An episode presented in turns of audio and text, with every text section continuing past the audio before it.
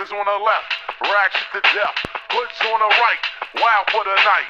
Punks in the back, come on in the track to what? Clan in the front, let your feet Make the motherfucking ruckus. Make the make the motherfucking ruckus. Make the make the motherfucking ruckus. Make the motherfucking motherfucking ruckus. Make the make the make the ruckus. Halo, selamat datang kembali di Serang Balik Podcast. Hari ini kita Lanjut lah. lanjut pada episode selanjutnya. Kurang tahu nih episode keberapa Udah kan? lupa dah. Nah, udah lama nggak ngerekam. Hari ini kita mau ngobrol-ngobrol santai. Ada sih beberapa tema yang kita mau bawa kan hari ini tentang basket. Hmm, Bas- Atletico Bilbao. Oh, Bilbao. Dan kita mau ngomong ini dulu lah, update-update terbaru soal Ya, hasil pertandingan kemarin Liga Champion kan. Eh, dari ini ya lah kita ngomong. Dari Chelsea ya itu. Chelsea Oh, iya, kena, dari Chelsea. Chelsea. kena bantai sama Munchen. tapi kok Ah, ah, tapi sebenarnya dari awal Iya kan awal 3-0 kan? 3-0 tapi Itu di London kan? di London. Stamford Bridge. di tempat netral pun dari awalnya aku udah pesimis bakal dibantai. Ya, Aku rasa Munchen tuh kayak kandang tuh udah di London dah. Ah, ah, ah. Tottenham kena bantai. Kena bantai. Arsenal udah belas hampir belas apa? Berkali-kali. Berkali-kali kan. Dibantai sama Munchen. Lalu Chelsea. Chelsea. Eh, aku ngelihat Munchen di musim ini memang apa? eh, produktivitasnya golnya tuh Hmm, bagus. di atas Rata-rata tiga tiga gol lah di atas. Nah, kalau untuk ketemu Chelsea dengan keadaan yang Iya, belum belum luar belum- biasa ancur-ancuran. Hmm. di defense-nya kan dan itu aku rasa 4-1 kemarin pun masih kurang Udah syukur-syukur menurut dah. aku, ah, Alhamdulillah. syukur, ah. Oh, kalau enggak jadi 8-2. malah aku mikir itu kayak yang satunya tuh iya. Itu kan menurut aku awalnya tuh Munchen tuh pas champion baru mulai ya sebelum sebelum covid ya mereka tuh bukan unggulan. Iya. Kan? Ah, ah, tapi pasca knockout udah masuk knockout itu tuh mulai kelihatan tuh oh mentalnya. Iya kan karena di liga pun lagi masanya lagi jelek sih Hmm. Munchen tuh karena kemarin kan sempat luar eh peringkat 5 kalau salah iya keluar dari zona champions lah. Ah, ah. tapi emang menurut aku sih kalau Munchen tuh yang bagus tuh sayapnya luar biasa menurut aku Iya. dari wingback sampai ke apa sayap kanan sayap kiri gelandang apalagi ada pemain baru tuh kan Alphonse Davies. Davies itu kan. emang udah nge-hype sih aku dari ngelihat dari yang banyak yang ngelihat tuh kan Eh, dari orang yang bar kayak paham lah gitu Scott, Sc- apa scouting scouting player tuh mereka tuh ngelihat kalau Alfonso Davies nih bisa jadi wingback terbaik bisa jadi wingback terbaik padahal umurnya masih muda sekali Masih muda kan dari Kanada. Kanada. Ah. Ma- Maksudnya dari track record sejarah sepak bola orang Kanada tuh paling jarang ya punya nama besar. Nggak, Munchen tuh bukan bukan pertama kali dia eh, punya pemain Kanada Ya maksudnya aku tuh punya nama besar Iya, lah besar. gitu. So, kayak yang gitu. pertama tuh yang saya ingat aku yang paling wah tuh itu Owen Hargreaves. Ah, benar. Owen Hargreaves itu kan dia orang Kanada lah, eh, besar di Kanada. Tapi kalau tidak salah aku bapaknya itu orang Inggris, jadi dia naturalisasi Inggris kan. Tapi dia aslinya itu Kanada. Nah itu kan Owen Hargreaves kan sebelum dia pindah ke MU, dia tuh kan bisa dibilang pemain Inggris yang belum pernah main di Inggris. Ah, Karena dia lama di Munchen. Iya iya. pas sama di Munchen sekitar tahun 2007 2008 dia baru dibeli MU pas di MU itu pun eh, dia sangat membantu sekali nih menurut aku. Hargreaves tuh eh, untuk MU musim 2008 ya yang Champions kan yang di Moskow tuh final. Itu Owen Hargreaves tuh benar-benar luar biasa sih menurut performa musim itu. Tapi ya kita tahu lah cedera kan Cedera yang merusak dia kan Owen Hargreaves Alphonso Davies lalu siapa? Apa lagi? Eh, Goretzka. Hmm, Goretzka. tuh dulu kurus sekali. sekarang baru sekarang badannya kayak dapat apa ya? Tentara SS Nazi. Ya, pokoknya yang, yang khas pun main Jerman tuh.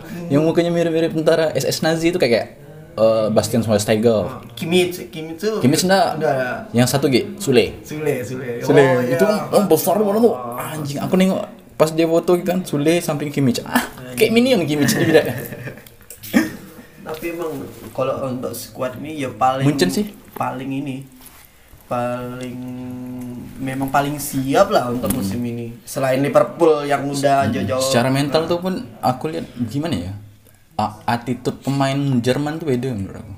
Dengan pemain lain tuh mereka tuh sangat kayak gimana ya?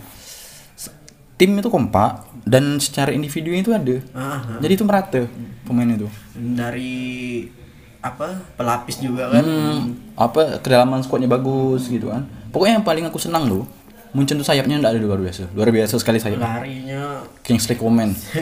kan cadangan yang cadangan Alaba. Alaba dan musim depan ada Sane kan Ah, Sane. Kau bayangkan dia gimana kiri itu. Itu kanan kiri itu. Itu. Itu kalau MU ketemu Munchen tuh untung MU enggak udah enggak masuk Champions League. kalah lagi kan Hmm, lawan Sevilla. Tapi kalau menurut aku kalau MU lawan Sevilla tuh itu kayak Sevilla dengan Europa League itu Romeo dan Juliet. Mereka tuh enggak bakal bisa dipisahkan. pengoleksi trofi terbanyak kan Kan tiga kali itu turun. memang mentalnya di situ sih Hmm, Liga itu tuh kayak rumah makan tempat andalan dia. Dia udah tahu lauk apa yang enak gitu kan. dia tahu di di apa kompetisi mau apa nih dia Ah, tahu udah tahu dah. Itu mental dia tuh udah bagus ya. Tapi pun aku pun sedikit mengesalkan sih, kesal sih dengan performa MU kemarin. Itu yang menurut aku yang paling kesalahan paling besar tuh kurang bisa memaksimalkan peluang. Itu banyak sekali peluang-peluang di depan dalam kotak penalti itu yang ndak ndak yang harusnya bisa diselesaikan. Ibarat tuh untuk matikan game. Enggak jadi matikan 3-1 gitu. 2-1 3-1. Kalau udah 3-1 tuh mental ngedon. iya Contoh kayak Munchen kemarin kan, ngebantai Barca. Apa kemarin ya? Pasca pertandingan ada interview pemain tuh. Apa Muller apa Muller bilangnya? Dia bilang kayak bantai Munchen nih, eh bantai Munchen bantai eh, Barca nih lebih mudah dibanding Jerman bantai Brazil tuh waktu itu.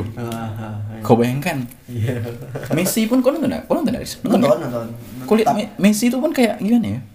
Main tuh udah setengah hati dah. iya Ya kayak yang pernah aku bilang kan sebelumnya karena yang aku yang kita ngomongkan tentang uh, transfer pemainnya Barca yang mana menukar antara Arthur dengan Pjanic. iya Kan dah aku udah bilang kalau pemain Barca tuh lini tengah itu udah tua-tua. Alah Busquets jadi sampah ditai-tai kan dia. Main di tengah tuh kan. Nggak mampu ngejar. Pemain itu udah udah nggak mampu ngejar. Kayak, Vidal tuh ngelawan Alfonso Davies tuh aduh. anjir lihat Sme, Semedo, Semedo di, main di sekolahkan sama Alfonso Davies. Dapat tutorial dia nonton. Nonton langsung tutorial. bocah aja kan Hmm. Kanan Kimmich.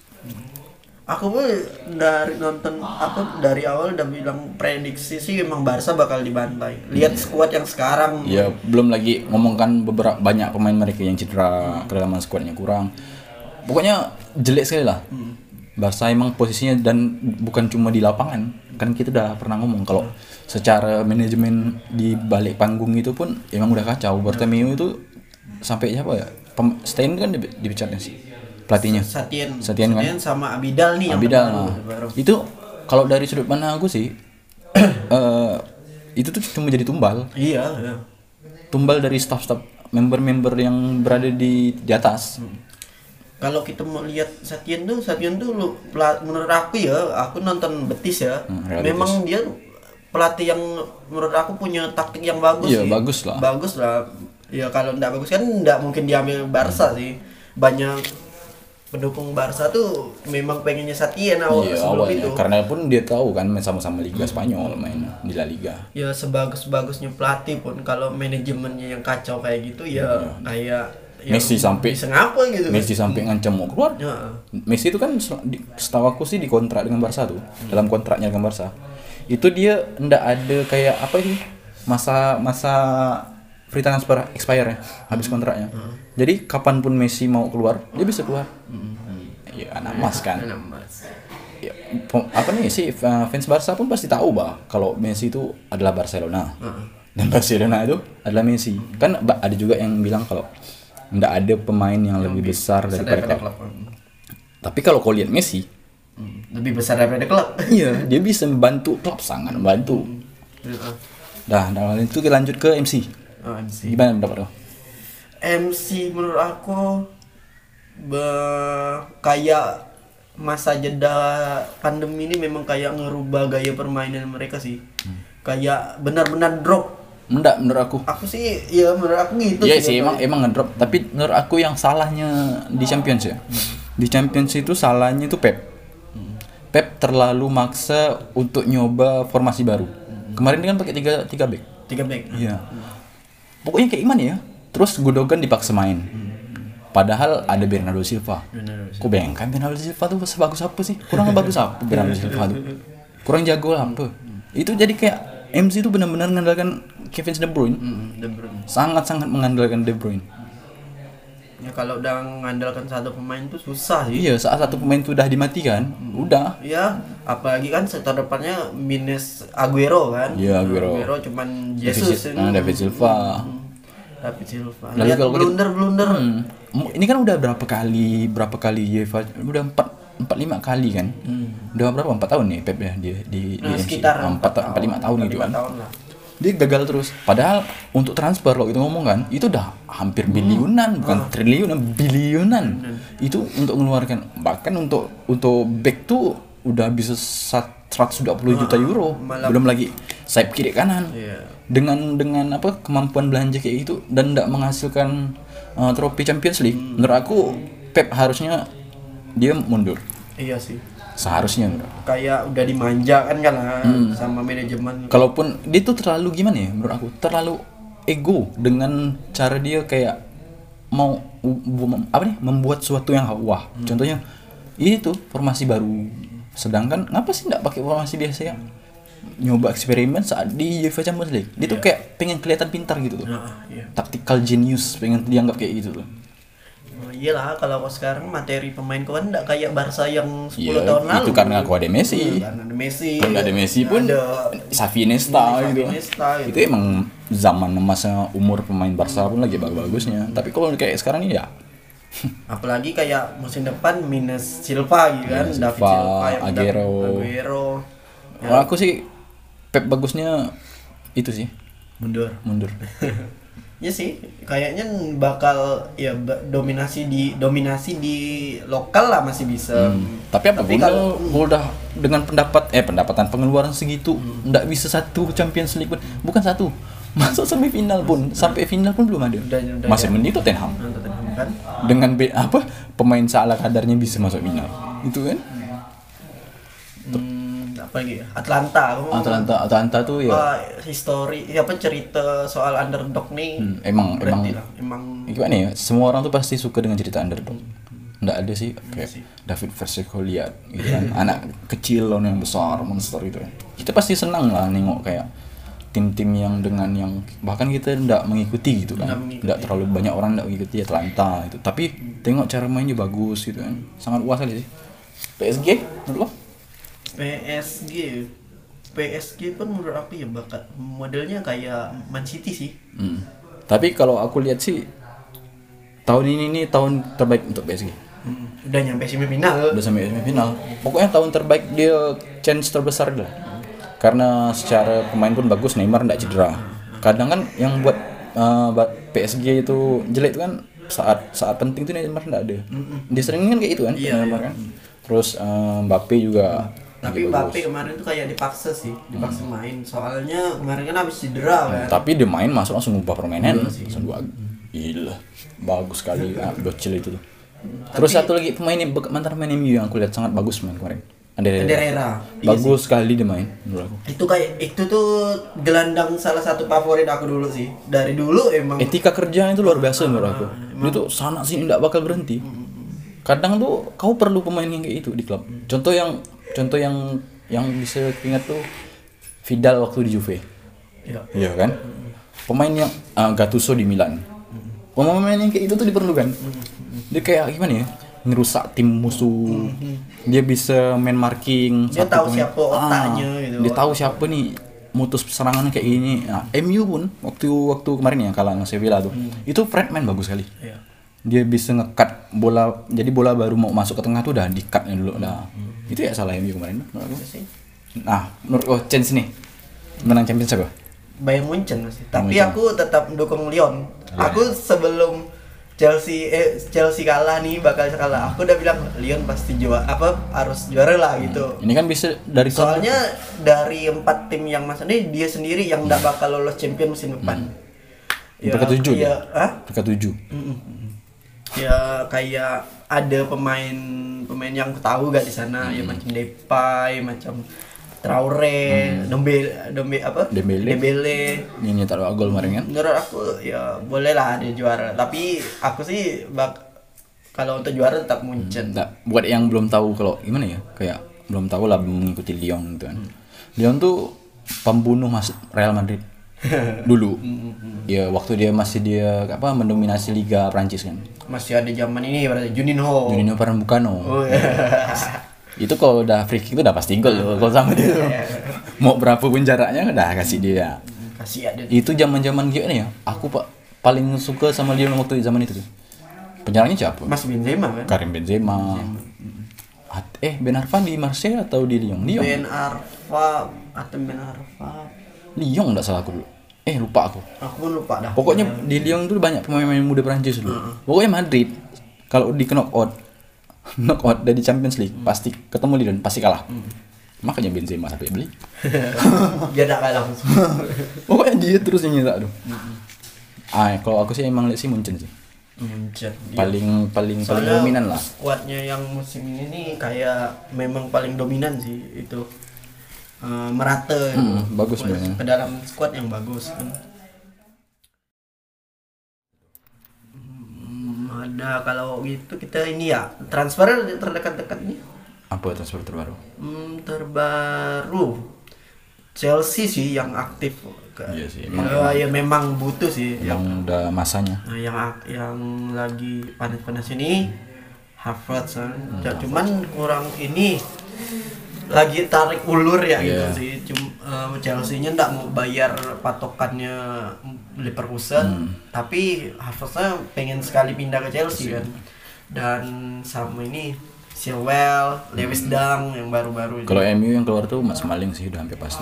Smalling balik Kan Roma kan kemarin kan udah jadi ngambilnya karena beda MU minta 20 kalau nggak salah aku. 20 juta euro. Roma mau 15, tapi kan Roma kan udah ganti presiden nih. Udah ganti presiden. Nah, jadi Roma tuh mau dan Smalling pun mau motong gajinya supaya pindah di Roma. Iya. Dan menurut aku sih ya udah kalau pemain tuh mau pindah pindah ke klub lain ya enggak apa.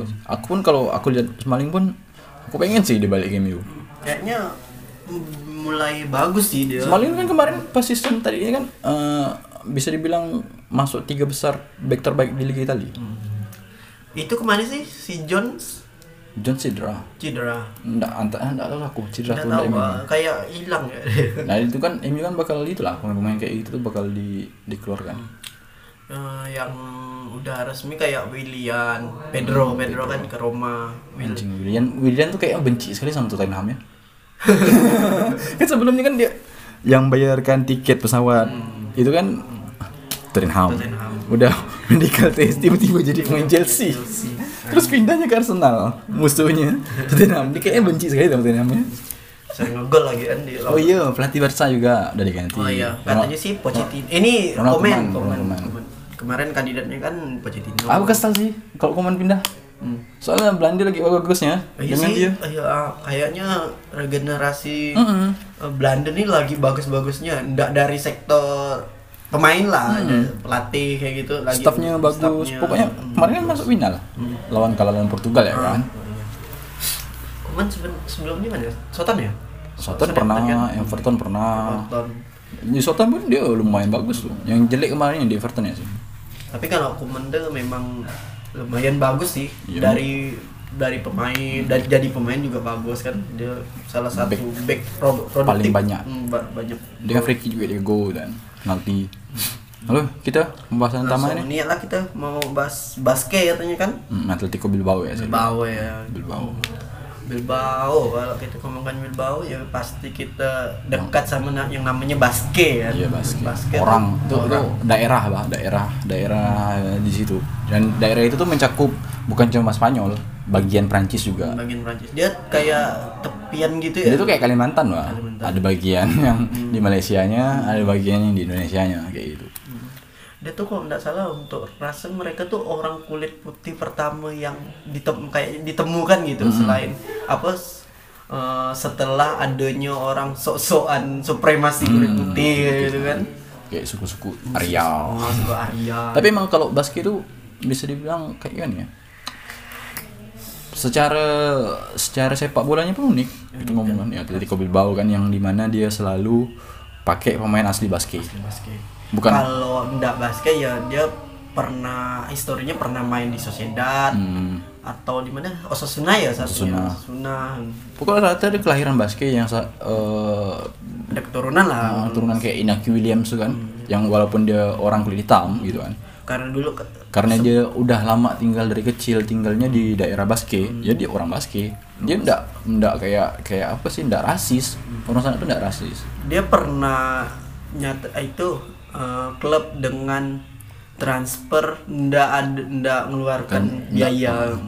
Bilbao eh, siapa lagi Eh, Herrera ya ngomongannya. Hmm, kalau kita mau omongan pemain sih banyak. Banyak, ya, yang contoh yang yang yang berhasil kan Xabi Alonso. Iya, Xabi Alonso kan pernah kayak Main di- timnas Uh, uh, basket basket. kan. Itu tahun berapa tuh? Ander Herrera itu kalau. Papua Barat buat timnas tuh oh, Banyak. ngamuk tuh banyak yang ngamuk tuh Enggak sih, tapi kalau Papua Barat bikin timnas Indonesia pasti kalah lah. masuk FF ya lawan Timur Timur bisa seder seru Apa pun Indonesia bukannya makin bagus. AFF ada juara Jadi kalau balik ke basket nih, basket nih kalau geopolitiknya kayak apa sih ban? Itu. posisinya atau gimana Ah kayak posisinya. posisinya tuh mirip dengan Catalonia bro Katanya. dia tuh kayak gimana ya Iya sama dengan beberapa daerah yang pengen independen yang mengusahakan untuk merdeka. Untuk merdeka. Tapi kalau secara politik dia di apa di di Spanyol itu dia otonomi, dia menganggap diri mereka itu otonomi. Dan basket eh, daerah basket itu pun selain Catalonia itu bisa dibilang daerah dengan eh, industri terbaik. Jadi kayak GDP, GDP pendapatan terbesar tuh. Itu tuh daerah basket juga masuk lima dari satu nomor berapa loh pokok masuk lima besar lah. Di ibarat kayak apa sih? Kayak provi- kalau di Indonesia tuh kayak provinsi lah yang paling banyak paling banyak apa kayak menghasilkan uang gitu. Di mana uang? Dan mereka pun pernah kayak ini kan bahasa mereka dihapuskan kan? Mm, hampir mau dihapuskan. Uh, Franco tuh ya. Mm, minta Padahal aku- Franco tuh kalau nggak salah aku dari basket gue bukan ya? Nggak Eh, tahu aku. da- aslinya orang mana lahir dari mana ndak aku Francisco Franco aku kurang tahu yang banti- yang pasti tuh dia tuh berusaha eh, menggunakan satu bahasa untuk semua tipikal fasis itu kan gitu Iya. anti kesera- anti apa keberagaman kan tipikal fasis kan kayak gitu juga eh, Catalonia kan punya bahasa sendiri Katalon Katalon kan punya bahasa sendiri. Baski punya bahasa sendiri mereka. Mereka kalau tidak salah aku tuh di Baski tuh ada beberapa bahasa ada dua atau tiga bahasa yang diakui sama orang apa nih kayak pemerintah Baski. Mengapa kok kalau Komnas Basket itu kan kayak gimana ya? Kayak daerahnya itu menurut aku daerah yang ya kayak Papua Barat menurut aku. Papua Barat Katal Katalun gitu. Ya, ketakutan pemerintah Spanyol itu kalau Basque merdeka mereka takutnya ya kalau Catalonia merdeka Basque juga bakal ngikut. Andalusia juga bakal ngikut. Sevilla itu kan Andalusia. Kalau kita lihat basket kalau di sama keadaan Papua Barat ya menurut aku mirip ya karena mirip. kayak tradisi. Yang beda yang, mm, yang beda tuh Freeport ya. Ya ya ekonomi kayak gitu kan. Ah, masyarakat adatnya lah gitu. Perjuangannya sama. perjuangannya ah. perjuangan sama cuma penderitaannya penderitaannya menurut aku mungkin tidak separah Papua Barat bagi aku di mana di sana hampir harian orang mati dibunuh sama ya kacang hijau gitu kan. Di sana tuh karena apa? Karena di sana di sifat sana tuh mereka tuh otonomi. Di sana tuh ada yang namanya apa? Mondragon Corporation. Mondragon Corporation tuh bisa dibilang kayak eh, perusahaan besar tapi sifatnya kooperatif. Kooperatif tuh artinya tuh kayak ndak ada kepemilikan modal jadi perusahaan tuh industri di sana tuh kan banyak mereka memproduksi apa pun Mondragon kooperatif tuh. Bahkan pendidikan pun mereka punya. M- punya universitas sendiri Mondragon kooperatif tuh. Luar biasa sekali menurut aku. Itu kayak gimana ya? Di luar imajinasi dari orang lain. Bahwa hidup tuh bukan cuma kerja untuk di perusahaan lain-lain ada yang mabuk kayak nih. Kebanyakan. Kebanyakan lalu menurut kau basket ini gimana? Yang sepengetahuan kau? Kalau basket sih menurut kalau aku tuh paham dari segi sepak bolanya ya sih. Kalau terus untuk dari sepak bola gimana?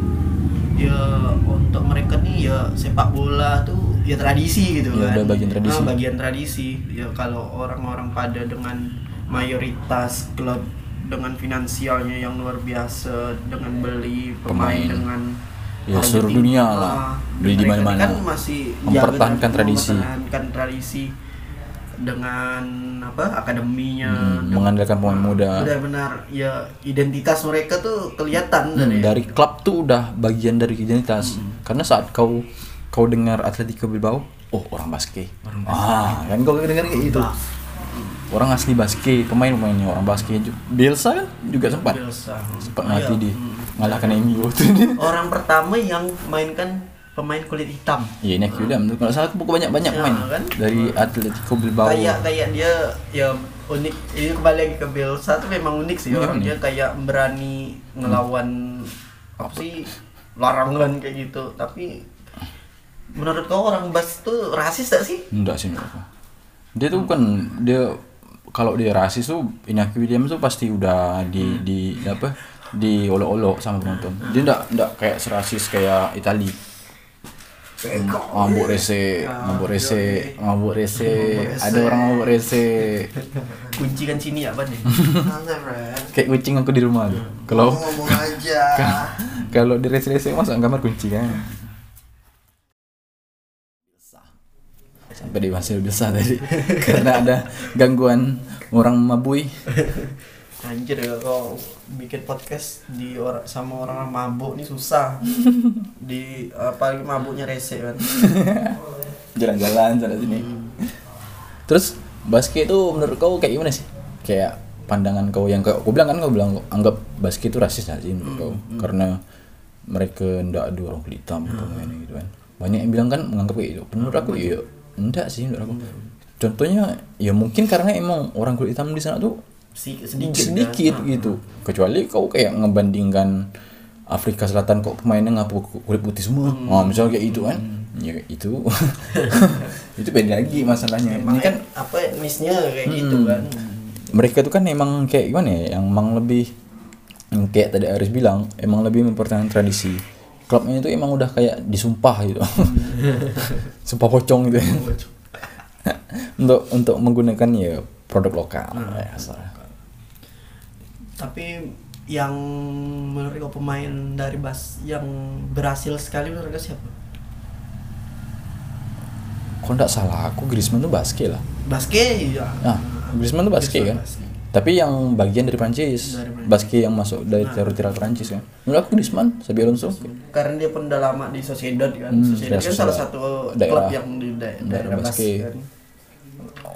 Hmm, kalau menurut aku sih inilah ya Alonso. Alonso. Alonso. Ya.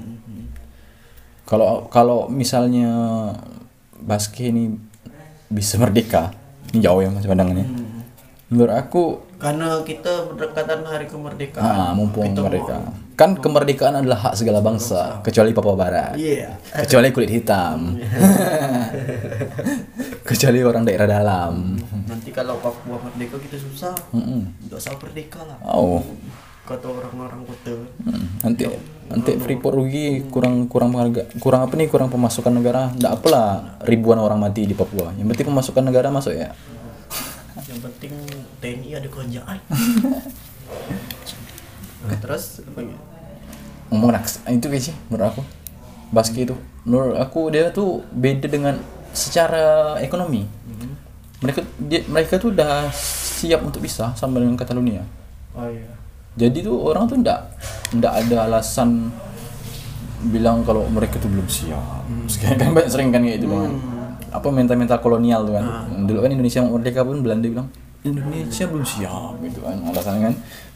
Kemarin ada yang bilang nih Ban, Apa? bahwa kalau kita tidak dijajah oh iya iya ada aku lihat kau kau ngomen di Twitter tuh. Apa katanya kalau kita tidak dijajah Belanda kita tidak mungkin tidak bakal modern kata dia Hmm, mental-mental budak tuh anjing bilang ya mereka bikin apa kayak bangunan bagus kayak apa transportasi Hmm, gitu kereta, ya kan? itu kan sebagian dari usaha mereka buat ngejajah kan? Iya, itu kan karena untuk eh, memasok rempah-rempah. Nah. Itu bukan, itu sama kayak eh, jalan-jalan diperbaiki di daerah sekarang, di daerah Kalimantan, yang daerah-daerah ujung.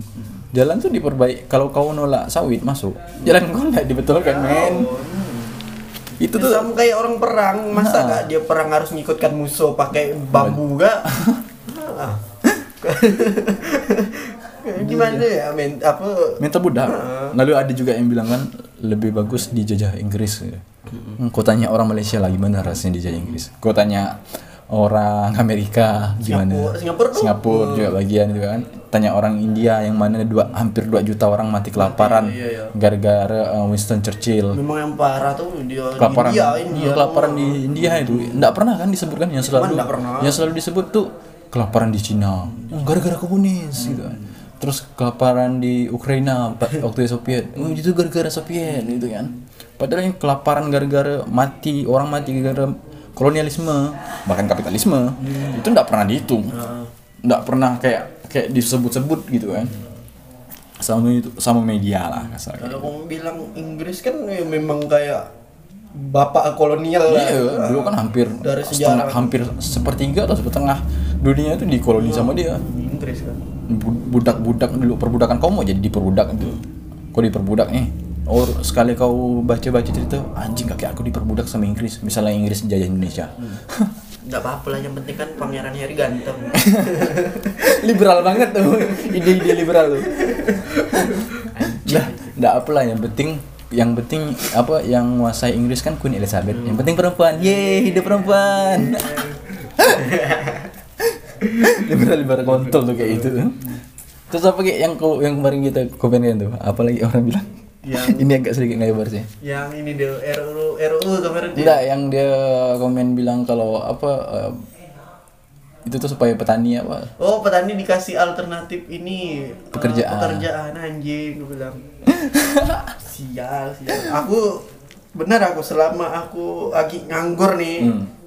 aku lagi meledak-ledak emosi aku Iya. melihat orang-orang kayak gitu sekali aku lihat orang oh libertarian libertarian tuh ibaratnya kayak apa deh dia tuh kayak nggak percaya negara tapi percaya kapitalisme. Pandangan mereka tuh kayak gimana ya? Kapitalisme tuh belum sempurna kalau masih ada negara. Padahal ada negara ya udah kayak gitu. Kan kok kita lah jangan bodoh amat lah. Negara ini kan fungsikan untuk menengahkan mengamankan kapital. Bukan untuk mengamankan masyarakat. Kalau udah mengamankan masyarakat tuh udah nasionalisasi benda-benda itu perusahaan-perusahaan tuh. Kan kayak itu mereka tuh kayak berharap kayak dunia tuh bakal lebih indah kalau semuanya tuh ada di pasar bebas. Ada di pasar ada di free market gitu kan. Sa- semua orang tuh punya kesempatan jadinya. Dia kok nggak tahu kayak gimana kejamnya kayak gimana dunia itu kayak gimana? Lalu bilang kayak apa petani itu ada jadi pilihan.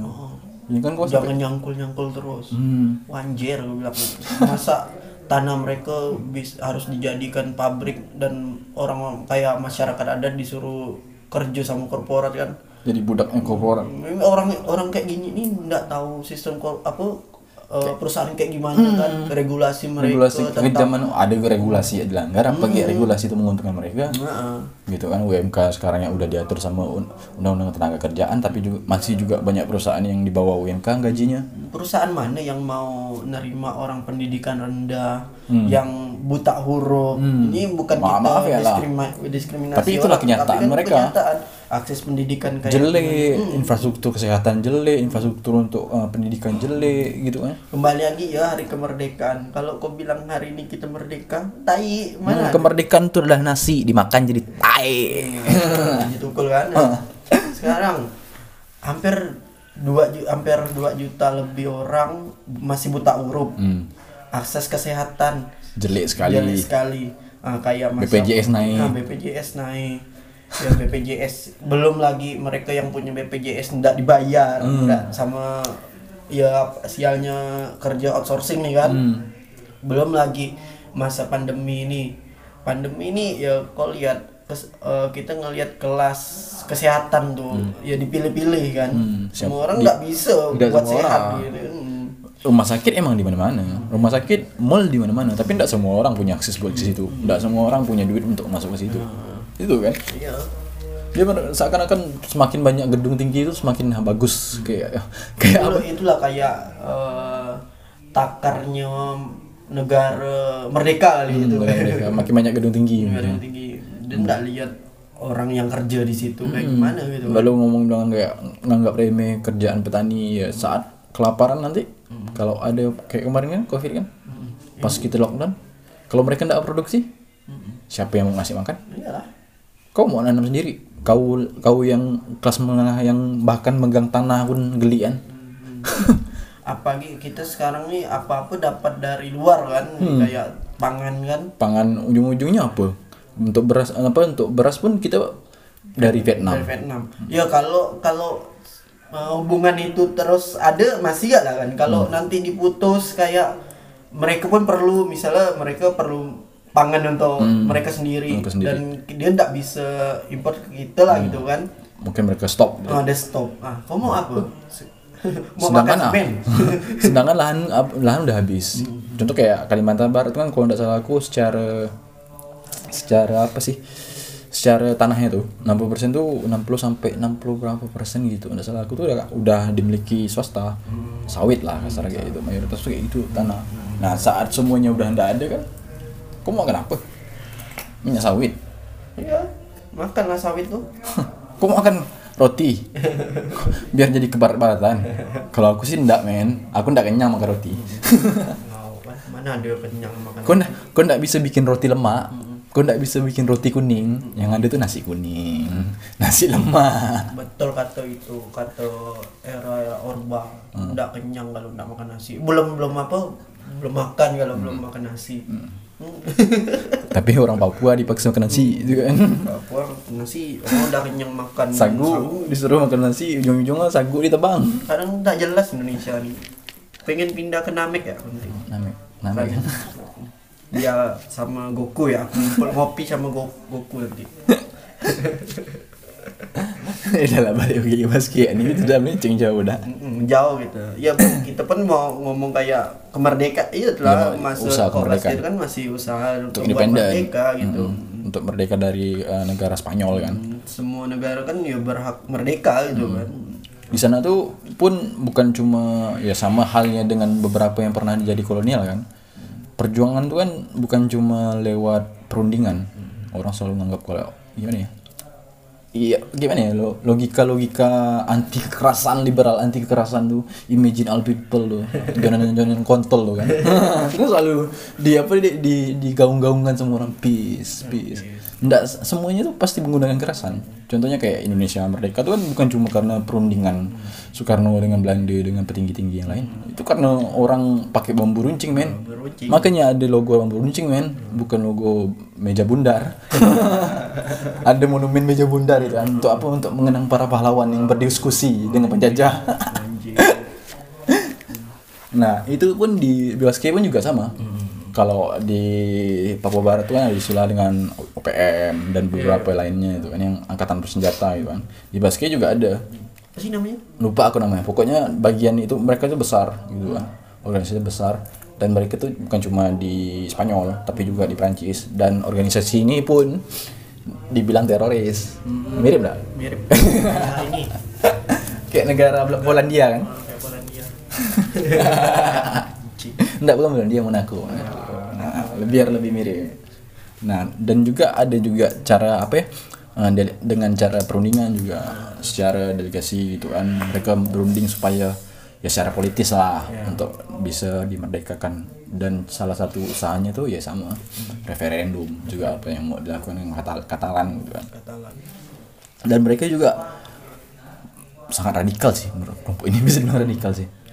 Dia sama mirip-mirip ini apa maksudnya di daerah hutan kayak kayak OPM lah gitu. Enggak, enggak mereka bukan cuma di karena mungkin karena secara geografis ya beda gitu kan. Oh beda gitu ah beda geografis. Tapi mereka pun juga gerilya itu kota. Gerilya. gerilya kota. Mereka enggak enggak segan untuk mengeluarkan senjata. M- eh, sasaran-sasaran mereka tuh ya petinggi-petinggi negara Spanyol sama negara Prancis. Makanya Prancis sama Spanyol tuh ngepres banget nih supaya Basque ini jangan sampai merdeka. Bukan satu negara men. Berarti berarti kalau misalnya berseberang itu ya maksudnya daerah tepian antara Prancis Hmm. sama Spanyol.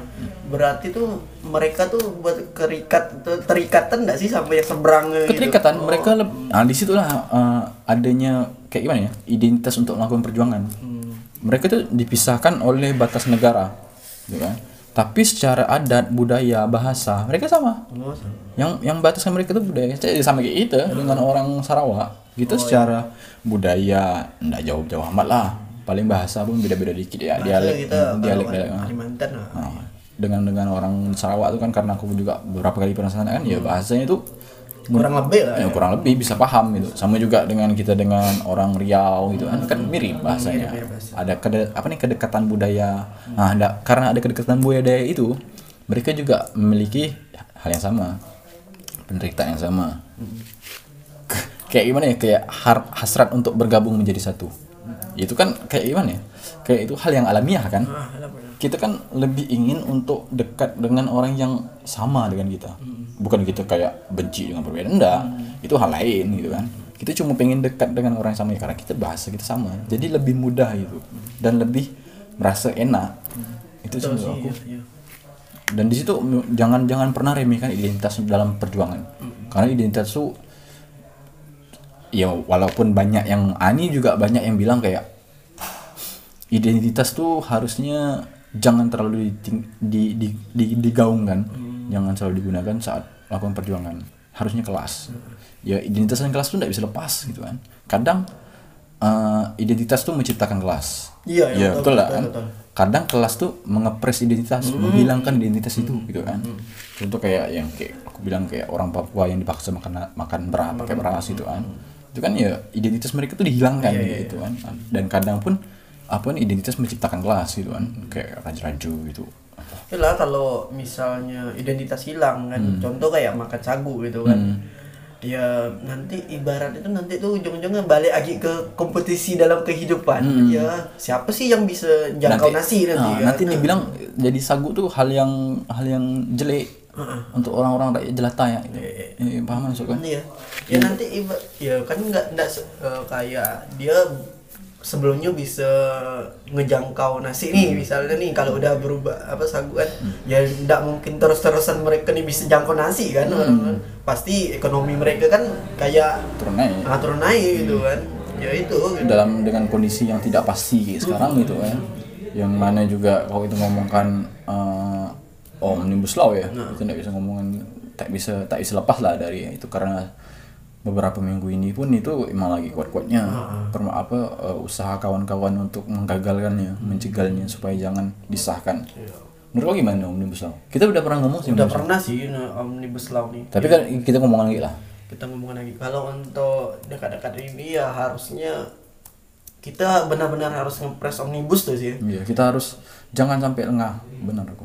Kita udah sebenarnya kita udah ngerasakan eh, efek dari tanpa om- omnibus lah nih ya. Iya. maksudnya be- eh, ini ya udah kayak dari cuaca nih kan.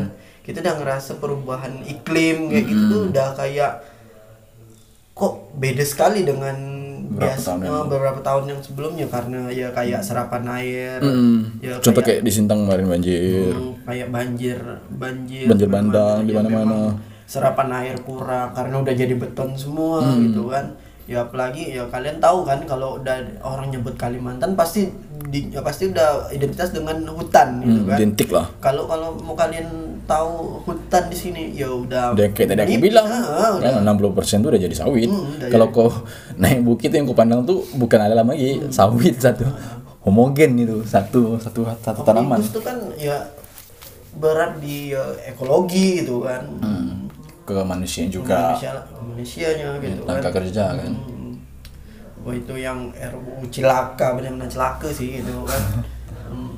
jangan jangan karena kita butuh kerjaan kita tuh sampai ngilangkan Harga akal diri. sehat ah, harga diri kita akal sehat ya kita bisa bisa hidup kok gitu kan ya dengan kita memperjuangkan inilah gitu kan dan bertanya lah kok Bertanya. Setidaknya tanya dengan dengan dengan diri kau sendiri kok kondisinya kok kayak gini amat sih Hmm, kok hari-hari aku awal bulan kok cuma untuk bayar kreditan sih iya sih ya. Kok kok ndak kok ndak bisa mikir kayak itu istilah. Kok mikir lah seharusnya. Kok bisa sih aku hidup tuh benar-benar cuma untuk bayar kreditan tiap bulan. Bahkan untuk nabung pun aku ndak bisa. Kan banyak orang kayak gitu kan. Ujung-ujungnya ngutang gitu kan. Bahkan terpaksa habis utang nanti bayar awal bulan bayar utang lagi. Itu kan kayak tutup lubang gali ah, lubang. Ya. kok bisa sih? Kita hidup di dengan eh, negara yang udah merdeka 75 tahun gitu kan. Kita masih masih untuk hariannya itu pun masih sangat-sangat tidak mampu istilahnya kayak gitu. Benar-benar lah.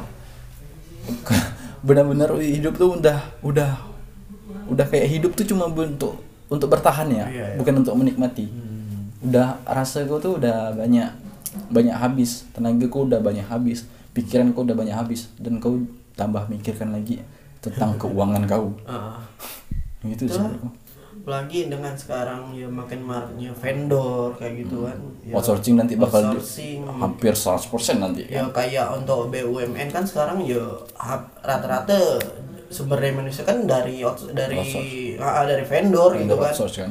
Ya kalau kalian tahu vendor itu benar-benar memangkas gaji kalian yang seharusnya dibayar segini Full, ah. full. Ya, ya, dipangkas mereka jadi ya seperempat enggaknya gitu kan. Ya, kasarnya itu kayak kayak awalnya tuh kau kau apa sih kayak udahlah kapitalisme nih ndak bayar nilai kerja kau sebenarnya dipotong lagi sama vendor nih kasar tuh kayak itu kan.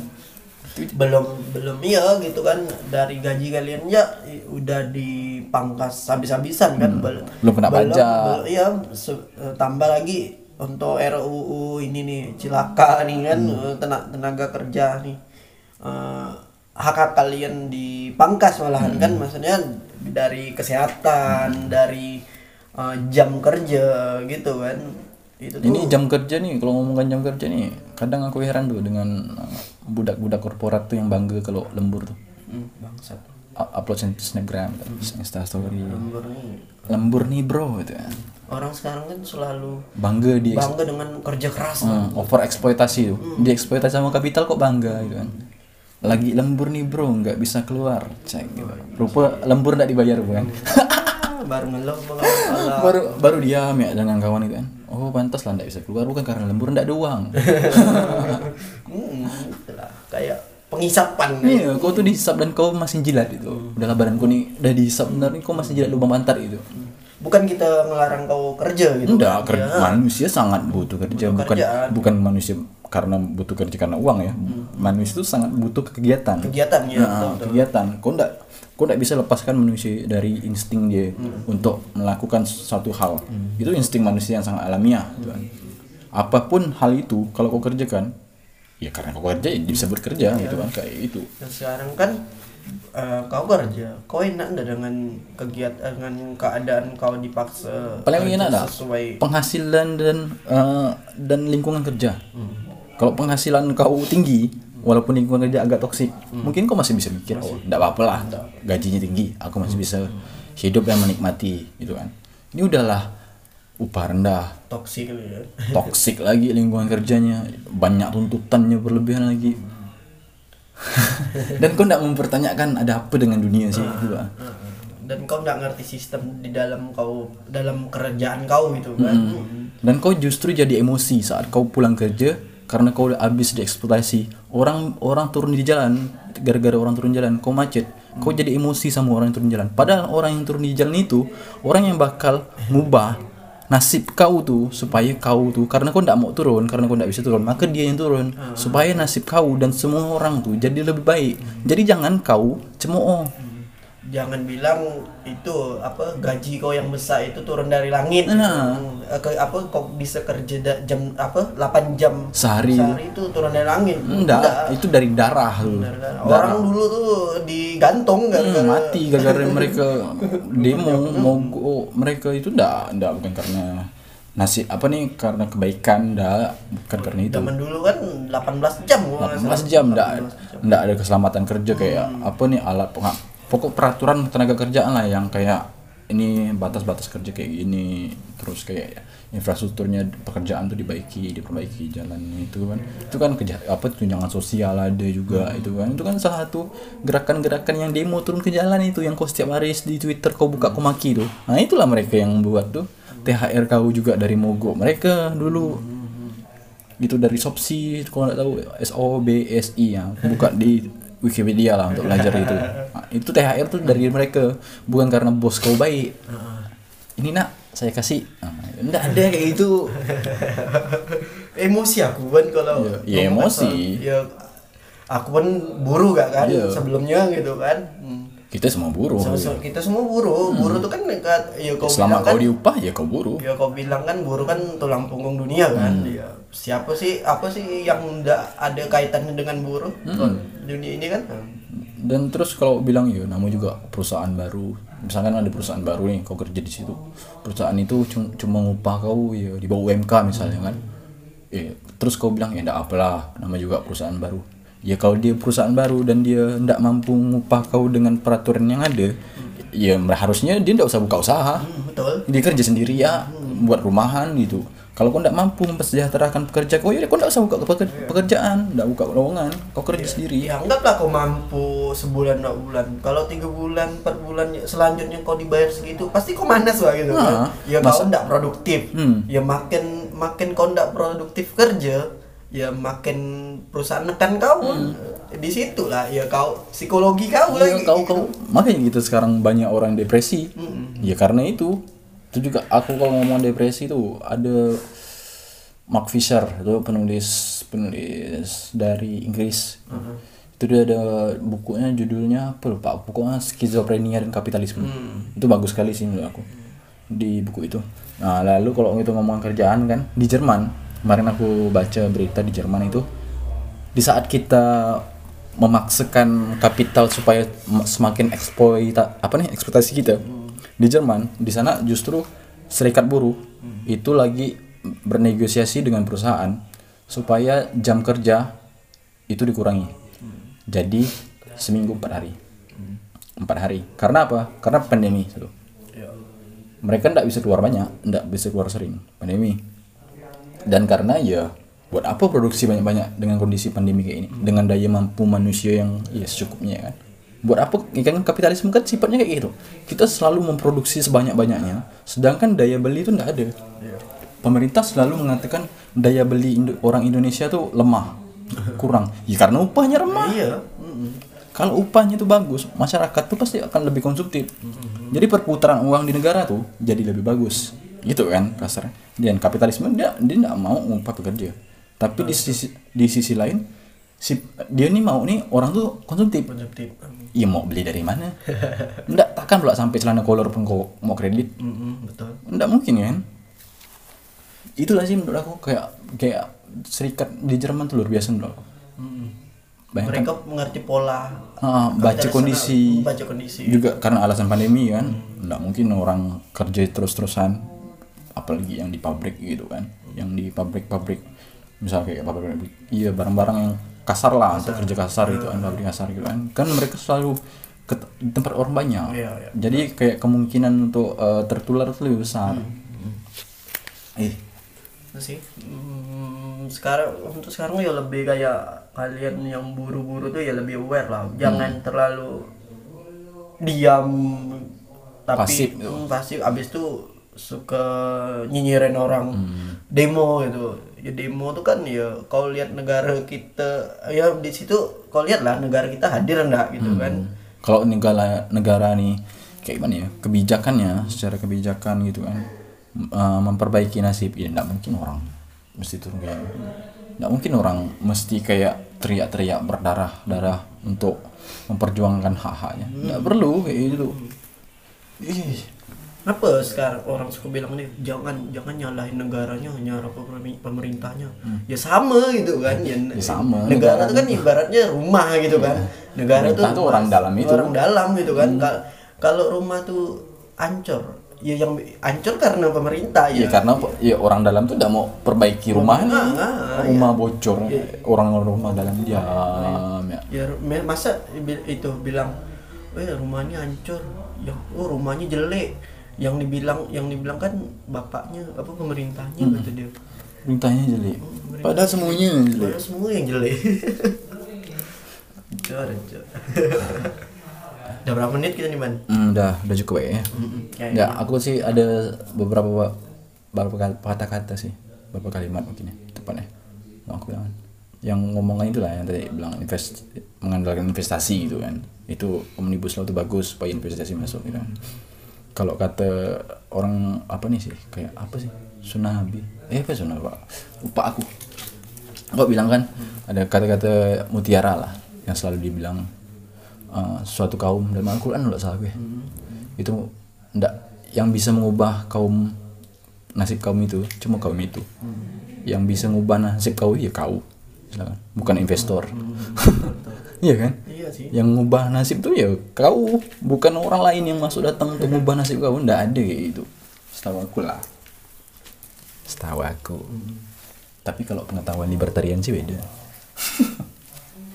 Uh, udah kan Iris atau ada yang mau tambahkan? Aku cuman mau bilang ya gagalkan omnibus lah.